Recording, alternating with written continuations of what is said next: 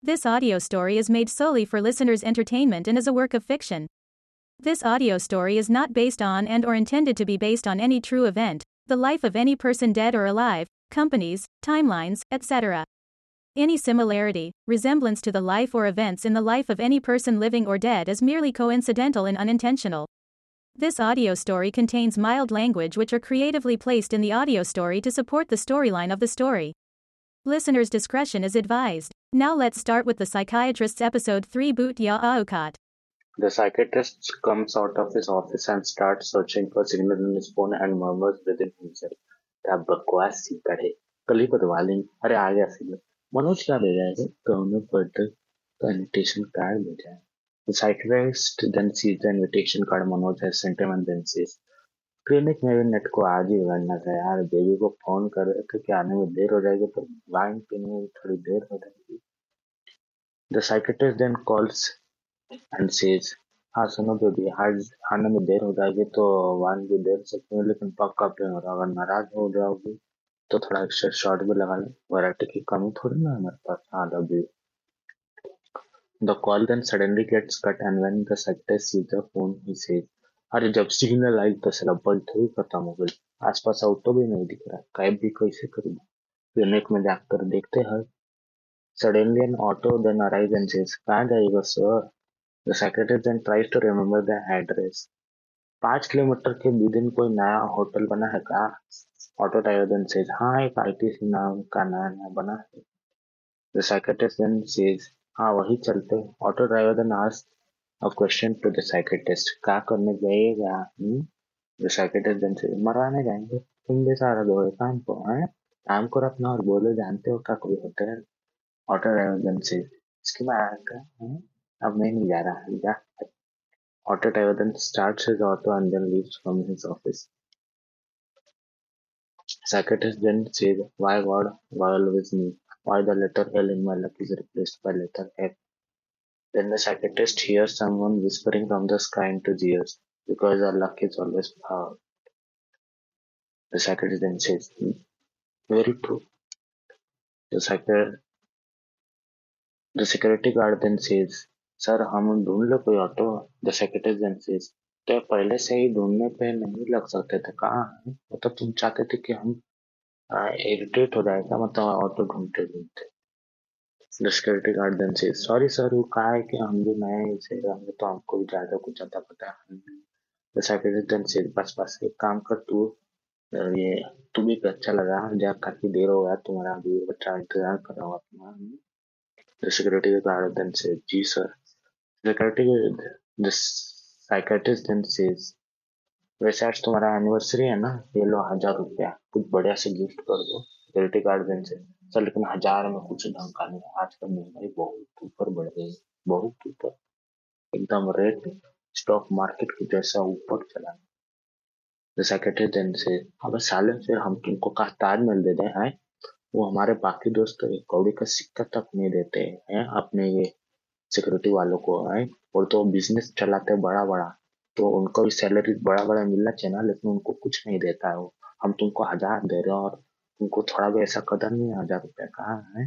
तो security guard then से नहीं सर ऐसा नहीं है, हमें बहुत कदर पहुँचा माफ़ कीजिए सॉरी जैसे साइकेट्रिस्ट देन से एक काम कर कॉन्डोम ले लेना, ठीक है? मेडिकल शॉप से इधर पास में कोई तो होगा ही ना ट्वेंटी फोर बाई सेवन खुला ही रहता है। और बाकी पैसों से कोई खिलाना ले लेना, खिलाना bye security guard then says thank you sir वैसे हम कभी सोचे नहीं थे आराम psychiatrist then the psychiatrist then goes into the clinic and then the receptionist says, sir I knew we had something कम इसलिए आप आए हैं ना. मैं जानती थी पूरा दिन ऑफ़िस में रहकर घर से मुलाकात ज़्यादा होती नहीं थी तो आप फाइनल कन्फेस कर रहे हैं। द साइकियाट्रिस्ट देन सेज क्या कह रही है तू?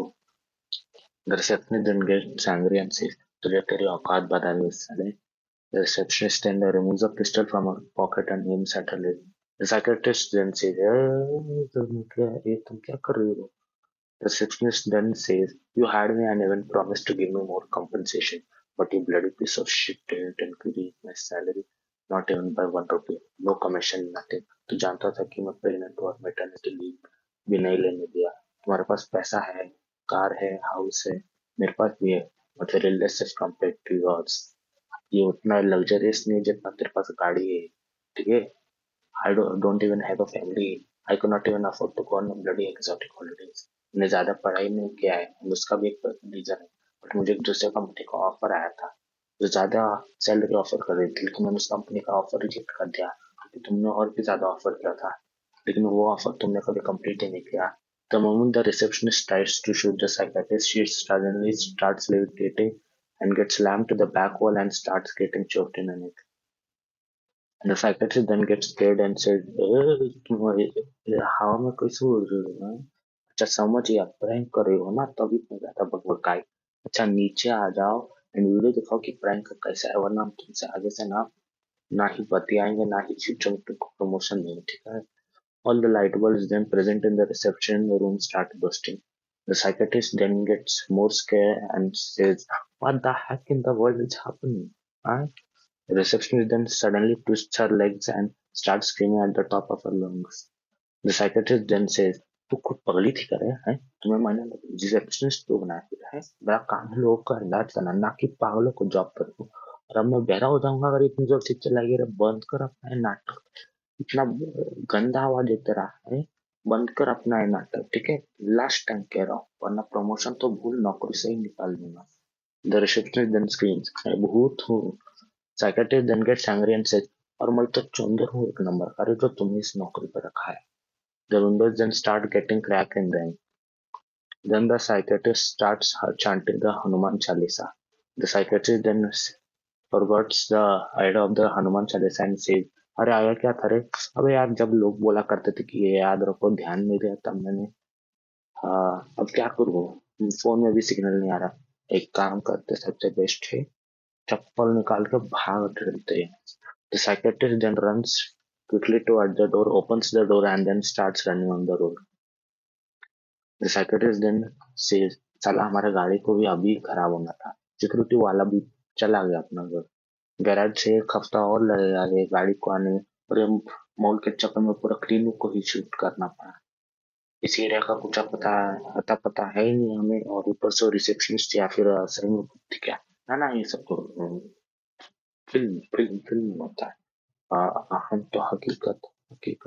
हैं then trips over a can of cold drink and falls down. अरे ट्रैश कैन इतना पास में पड़ा है फिर भी बेवकूफ़ ने बीच सड़क में फेंका है को लेकर suddenly hear someone saying from behind स्वागत तो करो हमारा the secretary then gets confuse and says Sallu भाई आप इतने रात को मेरा मतलब सल्लू गर्ल ड्रेस से आवाज़ आती है तो आ, क्या बोलूँ? लगता है बहुत है ठीक है सल्लू भूतनी जी हेलो सल्लू भूतनी जी भूतनी जी देन से चुप करो। द सेक्रेटरी देन सेज का है? हम कहा है? चुप बैठे भूतनी जी देन सेज हम तुमने इतने छेद करेंगे कंफ्यूज रहो कि सांस कहाँ से और पादे कहाँ से? द सेक्रेटरी देन सेज सांस तो नाक से ली जाते और पाद पिछवाड़े से मारे जाता है दोनों का मिक्सअप कर दोगे तो रोज सुबह की बदबू सीधा नाक में घुस जाएगी पिछवाड़ा मुँह का अच्छा नहीं दिखेगा मेरे ख्याल से The can of cold drink fallen down then suddenly gets trapped on the psychiatrist's face. The psychiatrist then screams loudly. The psychiatrist then also whispers to himself, दोस्त कम थे का जो भी बात करके देखते हैं क्या पता जान दे हमारी द साइकेट्रिस्ट देन से हम हमें लगता है सलमान की बहुत बड़ी फ़ैन है। With immediate then says, तुम्हें हमसे डर नहीं लग रहा है? Secretary then says, किससे डरेगा बा With immediate then says, हमसे और किससे? Secretary then says, ऑफ़िस में थोड़ा लगा था डर लेकिन ऐसा लड़की के जब इधर उठ के ना हमारे मुँह पर फेंकी तो एकदम लोटा जैसा लगा कि लोटा को फेंक दिया पता चला कि आप सही में भूत हैं। जब आप हमसे इधर बात करने लगे तो थोड़ा रिलीफ मिला कि हम ज़िंदा रहे ये कैसे भी ज़िंदा रहने की गारंटी हमने थोड़ी ना दिया तुमको। से अरे हम अभी बाप भी नहीं बने आप पहले ठोका देंगे हमारा मतलब ठोक देंगे हमको तो कहाँ, क्या, हम अकेले पड़ ही जाएँगे। पहले तो और हमको यमराज जी ने जब ये यमराज जी है उधर हमारी चाची भी बसी हुई है, ठीक है? हमें हमारी चाची से नहीं मिलना, ठीक है? जब जो कुछ आपको दिखाते रहेंगे और दूसरों को भी खिलाते रहेंगे खुद एकदम इतनी मोटी हो गई कि क्या बोले। और हम ऊपर अगर चढ़ गए तो हमारे वाले ये उदास पड़ जाएगी हमारी वाली मतलब हमारी गर्लफ्रेंड उतनी दिन से तुम्हारी गर्लफ्रेंड दुखी नहीं रही साइकेट्रिस्ट गेट्स कंफ्यूजन आस्क का मतलब उतनी जी दिन से तुम्हें चक्कर आ जाएँगे और हम कहा बताएँगे? तुमको सीधा लेकर चलेंगे वहाँ पे। साइकेट्रिस्ट देन सेज हमें कुछ तो समझ नहीं आ रहा कि आप कहा कह रहे हैं। उतनी देर देन आस्क हिम मनोज तोरा क्या अपने जन्मदिन के पार्टी का न्योता भेजले बाड़े ना? The secretary then says gets more confusion आज। तुम्हें कैसा पता चला कि उसने न्योता भेजा है अपने बर्थडे पार्टी का? देन से हम बुधनी है, भाई, लेकिन टाइम मशीन के सारे फ़ंक्शन है। हम पास्ट प्रेजेंट जिसमें अभी हम लोग बता रहे हैं और फ्यूचर हम सब देख सकते हैं। द सेक्रेटरी देन से तो हमारी वाली और मनोज के बर्थडे का क्या रिलेशन है मतलब मैं समझा नहीं अभी उतनी देर से तुम्हारी गर्लफ्रेंड भी आ रही ना पार्टी में? The psychiatrist then confused and asks, हैं, तुम्हें और कैसे पता चला? और लेकिन उनको तो आई डोंट थिंक सो बुलाया भी है पार्टी में और ना ही हम लेकर जा रहे हैं, उन्हें वैसे भी दिमाग का दही कर देंगे बाहर भूतनी जी देन से तुमरे लिए नहीं गई हो द सेक्रेटरी देना आज भूतनी जी फिर फिर किसके लिए गई हो? भूतनी जी देन सेज होटल का क्या नाम है? आईटीसी ना द सेक्रेटरी देन से अरे आप तो ये, क्या बोलते भगवान से भी ऊपर है।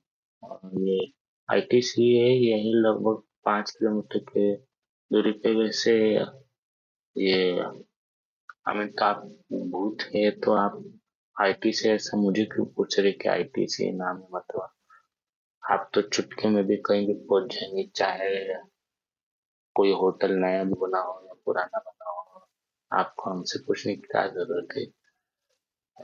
भूतनी जी दिन से जा रहे, लेकिन हम गूगल मैप छोड़े ना कंफर्म करेंगे ना तुमसे। गूगल मैप पे भी ओरिजिन डेस्टिनेशन लिखता हो ना तो वैसे सुनो, यहाँ पास दो सौ मीटर बाद तो चाय का ठेला लगल बाटी करे। वहाँ जाकर चाय पियो सेक्रेटरी एजेंसीज इतने रात को चाय का ठेका खुला रहता है, उतनी जो एजेंसीज हम है तो सब कुछ पॉसिबल है भैया। थोड़ा डर कम हो जाएगा, तुम्हारा बहुत घबराया हुआ है चाय पी थोड़ा आराम मिलेगा तुमको। the psychedelic then जी उतनी जी then disappears into thin air the psychiatrist then says अब पैर काहे पड़ रहे थे जी के The psychiatrist then reaches the tea stall. The tea stall owner then says, कहा साहब ये खोटी खोटी हालत कहा है भूत दिसले कहा The psychiatrist then says, हाँ भैया भूत से बात करके आ रहे हैं चाय पिलाओ हमको थोड़ा The tea stall owner then says, ऐसा लग रहा है कि आप पियो कौनों की चिंता चिंता की बात नहीं है हमारे यहाँ की चाय के एकदम फ़र्स्ट क्लास हो जाएगा। secretary then says, तुम यार जल्दी चाय बनाना और ये थोड़ा सट्टा वगैरह है क्या तुम्हारे पास? The tea stall owner then says, है ना सर ये लीजिए सिगरेट और लाइटर सब रखे अपने ठेले में चुनौती से पान मसाले से लेकर सब रखे सब। सेक्रेटरी then says, तुम इतनी देर रात तक कहाँ खुले रखे हो अपना ठेला? Tea stall says, हमारी बीवी हमको घर से बाहर निकाल दी। The secretary then asks him, कहाँ है भाई? owner then says, हमारी वाइफ को एक ठो गहना चाहिए था हमको। लेकिन वो गहना हमारा औकात के ही बाहर मना कर दिया तो बोली कि घर से ही निकाल जाओगे वरना तो हम तुमको बेलन और चप्पल से कूद देंगे। तो हम सोचे कि चाय के ठेले पे ही रात गुजार लेते हैं।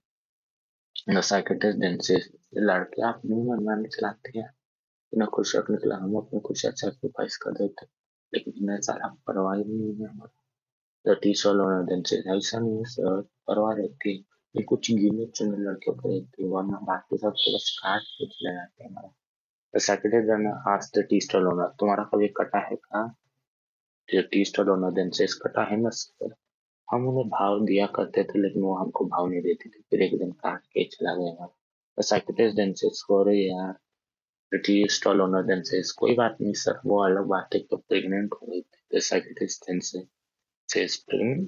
तो हुई थी। होने दिन से। हाँ ना सर हम बोले कि अबॉर्शन करवा लेते लेकिन वो बोले कि हम इस बच्चे को मरने नहीं दे सकते। और फिर हराम जादी छोड़ के चले गए हमको। इन शॉर्ट काट के चले गए। द साइकेट्रिस्ट देन सेज सामान इस्तेमाल नहीं किए थे, कहा? टीचर होने दिन से ये थे, लेकिन सामान ने धोखा दे दिया। सर अगर सामान धोखा नहीं देता तो वो प्लेन भी थोड़ी ना होती। Sir psychiatrist then says point तो है तुम्हारे बात में। मतलब तुम्हारे जो ब्रह्मचारी का रूप है, ये शादी से पहले ही उतर गया था। तो टी स्टॉल ओनर दिन से पकड़ लेना, सर। ये बात सिर्फ़ हम अपने दोस्तों को बताएँ। सेक्रेटरी दिन से हम तो आपके दोस्त नहीं हैं। ओनर दिन से, लेकिन अभी आप तो हो गए ना, सर। सर, यही सारा दिक्कत है। हम जिससे भी एक बार बात शुरू कर देना तो क्या ही जाएँगे। चाहे सामने वाले को हम कितना ही बकबक करने वाला क्यों न लगे। सामने वाले या हमारा कोई स्ट्रेंजर हो, कुछ भी हुआ हम एक बार कॉन्वर्जेशन स्टार्ट करें ना तो सर कंटिन्यूसली भागते रहेंगे। धन्यवाद मान लो हमारा। कभी हमारे वाले के साथ ब्रेकअप हो जाए तो तुमसे ही बात कर लें। से सर एक बात बताइए आप हमको। कुछ शक है कि आपका रिलेशनशिप टूट जाएगा कभी उनके साथ? श्योर नहीं हूँ लेकिन कभी कभी ऐसा लगता है। हमारी एक बात lights a cigarette and takes a puff. The psychiatrist then says, बोलो भाई teacher then says, नए दोस्तों के साथ रिलेशनशिप को उम्मीद रखना ही नहीं मैक्स टू मैक्स दोस्त बन जाओ उससे आगे हो भी मत रहो। हम कहानी बताते हैं आपको हमारी। जो लड़की प्रेगनेंट हुई थी हो गई थी ना उसको हमसे प्यार नहीं था। बस कुछ को ट्राई कर रहे थे।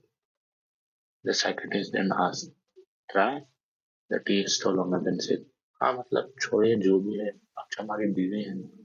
उनको हमसे प्यार है और हम चाहे कितने भी गरीब हो ज़्यादा डिमांड नहीं करें वो भी जानते हैं कि वो ना हमारे बजट के बाहर लेकिन हम समझते हैं कि कम कर जाता होगा और जो घर से निकालते हैं, हम उसे कोई नेगेटिव वे में नहीं लेते हैं। ऐसा सोचते हैं, थोड़ा ज़्यादा काम कर ले तो थोड़ा ज़्यादा पैसा भी कमा साइकेट्रिस्ट देन से बड़ी अच्छी कहानी सुनाई तुमने। वैसे ये तो प्रेग्नेंट वाली लड़की को कहा हाल है इन दिनों the tea stall owner then says थोड़े दिनों पहले वो मेरे ठेले पे आए थे किसी अमर चौंदर के साथ को पटा लिए हुए और उनके साथ घूमती रहती है तो चाय रेडी हो गई सर दो मिनट दीजिए उनको The psychiatrist then checks his phone and sees the network is back.